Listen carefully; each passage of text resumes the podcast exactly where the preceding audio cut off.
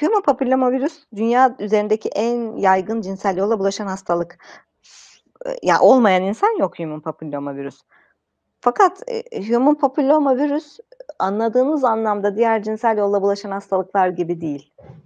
E, ne HIV gibi, ne gonore gibi, ne frengi sarı, sifiliz gibi e, hiçbir cinsel yolla bulaşan hastalıklara benzemiyor. Çünkü HPV'nin bulaşmasını engellemenin yolu hiç ilişkiye girmemek kimseyle, hiçbir kontakta bulunmamak. Ee, HPV adı üzerinde human, insan, yani insan olan yerde bulunan bir virüs. Bana böyle polikliniğe hastalar geliyor. Hocam ben HPV hastasıyım. Bir gülesim geliyor. Hepimiz HPV hastasıyız yani hayat hastasıyız. Olmayan kişi Ama- yok diyorsunuz. Yok var yani yani. herkeste var evet. Hatta HPV'nin tipleri 200 tane tipi var HPV'nin. O kadar böyle insan human hani beraber olmuş bir virüs ki bu HPV'nin farklı tiplerinin farklı kişilerde oluşuna bakarak insanların antropometrik olarak göç yollarını takip etmenin mümkün olduğuna dair yayınlar var. Mesela Avrupa'nın HPV tiplemesiyle Asya'nın HPV tiplemesi farklıdır. Türkiye hem Asya ve Avrupa arasında bir geçiş ikisinden de özellikler taşıyan şekildedir falan. Afrika'nın HPV tipleri farklıdır. Hı hı. Ee, gerçekten insanla bir arada olan bir virüs ve yaklaşık 200 tipi var. 200.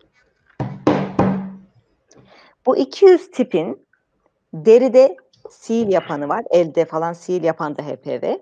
Genital bölgede sil yapanı da var. Tamam mı? Sil. Sadece Geçiyor mu? Yani çözümü var mı? vücudun immün sistemiyle ilgili bir şey.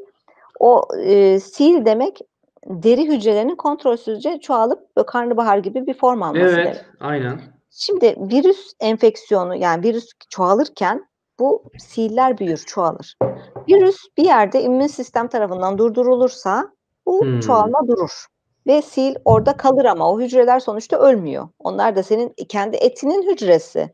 Yaşamaya devam ediyor. Yani çıkmış olan sil kendi kendine ortadan kaybolmaz. Onu hani yakmak gerekir ya da işte dondurarak ya da kimyasal yanıt oluşturarak yok ediyoruz. Ama bir kremi, bir e, hapı falan sanırım yok. Var, Sonuçta kremi de var. mı? O virüsün çoğalmasını engellemeye yönelik kremi var. Çok etkin Hı. değil ama yani daha çok immün sisteminle ilgili, kişinin immün sistemiyle ilgili.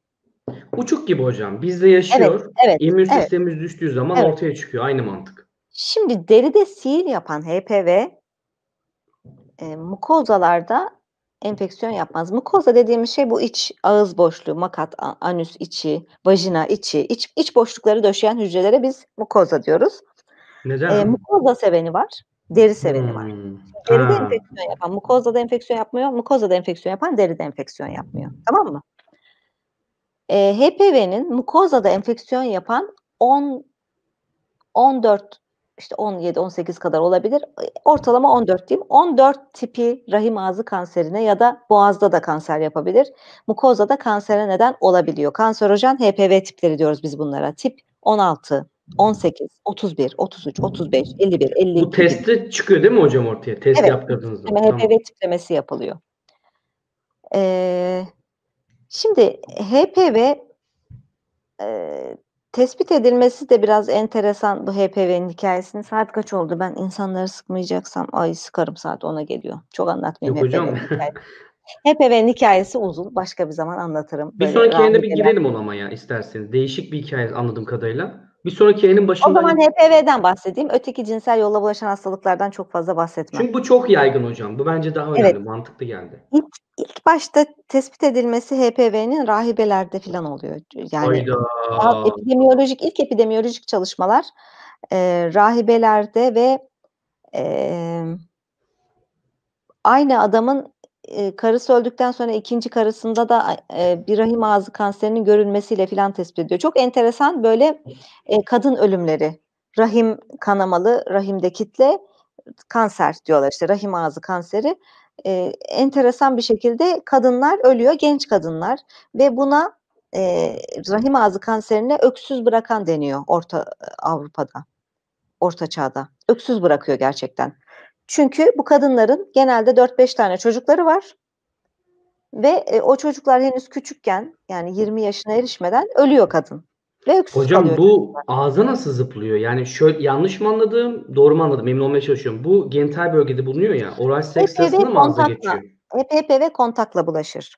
Yani o sil yapan da Evet. ciltten cilde kontakla, mukozada enfeksiyon yapan da mukozla mukoza kontakla bulaşır. Tamam, tamam, tamam. Yani alttaki Kontakla. üstte, üstteki alta bulaşmıyor. Bir şey Evet. olmuyor. Öpüşürsen Bulaşabilir ama yani kontakt ederse Olabilir. bulaşır. Kontakla Tamam. bulaşıyor HPV ve insan olan yerde bulaşıyor. Eee, doğru anlaşıldı değil mi? Deri deri seven tipi deri deriye kontakla, Deri deriye mukoza kontakla, seven tipi mukoza mukoza muko mukozaya da Yani kontakla sonuçta bulaşıyor. öpüştüğünde de mukozasında Temas varsa oluyor. Evet, varsa bulaşıyor. Oral sekste de keza ya da anal sekste de bulaşıyor mukoza sevenlerin. Şimdi, emm, bakıyorlar bu öksüz bırakan zıkkım, bir adamın karısı ölmüş. 3 tane öksüz bırakmış. Adam bir daha hı. evleniyor. 2'nci hanımı da gene aynı hastalığa yakalanıyor. Gene rahim ağzı kanseri oluyor yani. Virüs resmen adam gibi. Evlendiği Diyorlar öldürüyor. diyorlar ki yani bu bir bi bu kansere sebep olan bir mikrop filan var herhâlde ki adamın hı. aynı karısında gene oluyor.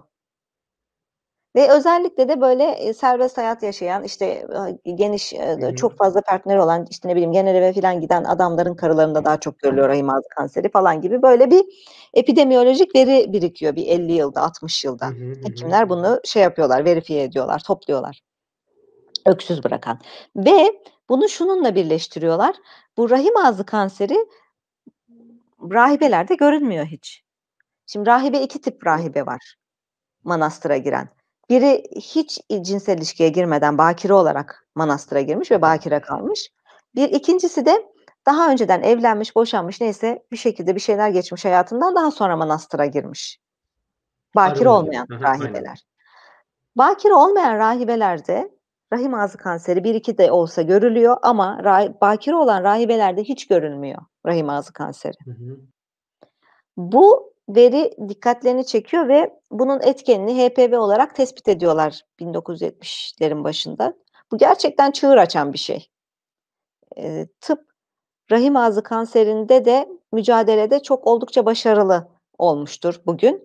Çünkü bunun bir virüsten kaynaklandığı anlaşılınca bu virüse karşı aşı ihtimali doğuyor. Bugün günümüzde 4'lü ve 2'li aşı var. Eee, bu kanser yapan 14 tip dedim ya, onun en çok yapanı 16 ve 18 ona yönelik, eee, aşı var. Bir 9'lu aşı var, eee, ama çoğu ülkede henüz üretime geçmedi. Çünkü bunların hepsi para tabii. Eee, yani ekonomik de bir tarafı var.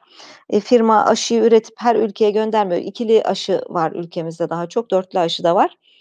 Bir de 9'lu nanovalan aşı, yani gerçekten rahim ağzı kanserinden %100'e yakın, %99 koruyor kişiyi. Eee, o yüzden, eee, HPV aşısını ben her yeni partner ihtimali olan kadına tavsiye ediyorum. Şöyle, eee, aşının prospektüsünde 9-26 yaş yazıyor. 9-26 yaşı 9'a ne kadar yakın olursa yaşı çocuğun, kız çocuğun, erkek çocuk için de keza, eee, vücudun bu aşıya mukabil antikor üretme ihtimali o kadar artıyor. Çünkü, hani, biz bütün aşıları da olabildiğince 5 yaştan önce çocukluk çağında yapıyoruz ya, vücudun immün sistemi bu thymus bezi çalışıyor oluyor. Eee, herhangi bir şeyle karşılaştığı zaman vücut hızlı bir şekilde reaksiyon veriyor ve antikor üretiyor. Bugün COVID, korona çocuklara, ko COVID'e neden olmamasının tek nedeni de bu çocuklardaki immün cevabın güçlü olması. Çocuklar hızlı bir şekilde onu immün cevapla yok ediyorlar, ve COVID'e sebep olmuyor. Her neyse, eee bu aşıya 9-26 deniyor ama 26, eee, bir üst sınır değil. Yani bugün bana 40 yaşında da 50 yaşında da bir kadın geldiği zaman, "Ya, ben yeniden bir evlenmeyi düşünüyorum ya da, işte, yeni bir partner düşünüyorum." "Yaptır." derim ben ona. Çünkü o kişide HPV 16 olabilir, bulaşabilir. Bulaştığı zaman 10 yıl içinde kansere çevirme ihtimali var ve, hani, 50 yaşında beklenen yaşam süresi 90 diyelim kadının. Hani, önümüzdeki, sağlıkla yaşayacağı belki bir 40 yıl var. O yüzden "HPV aşısı yaptır." derim. Ben hiç, yani, bana "HPV aşısı yaptırayım mı?" diye soran birine yaptırma dediğim hiç olmamıştır. HPV aşısını tavsiye ediyorum. Rahim ağzı kanseri konusunu bilen her kadın doğum uzmanı da herkes de önerir. Ama, işte, eee, küçük usta gibi, eee, artık ununu elemiş, eleğini asmış, derdi konuşulsun, konu beni konuşsunlar insanlar, eee, olan kişiler abuk subuk, abuk subuk diyeceğim yani, abuk subuk şeyler söylüyorlar hakkında. HP ve konuyu bilen bütün uzmanların önerdiği bir aşıdır.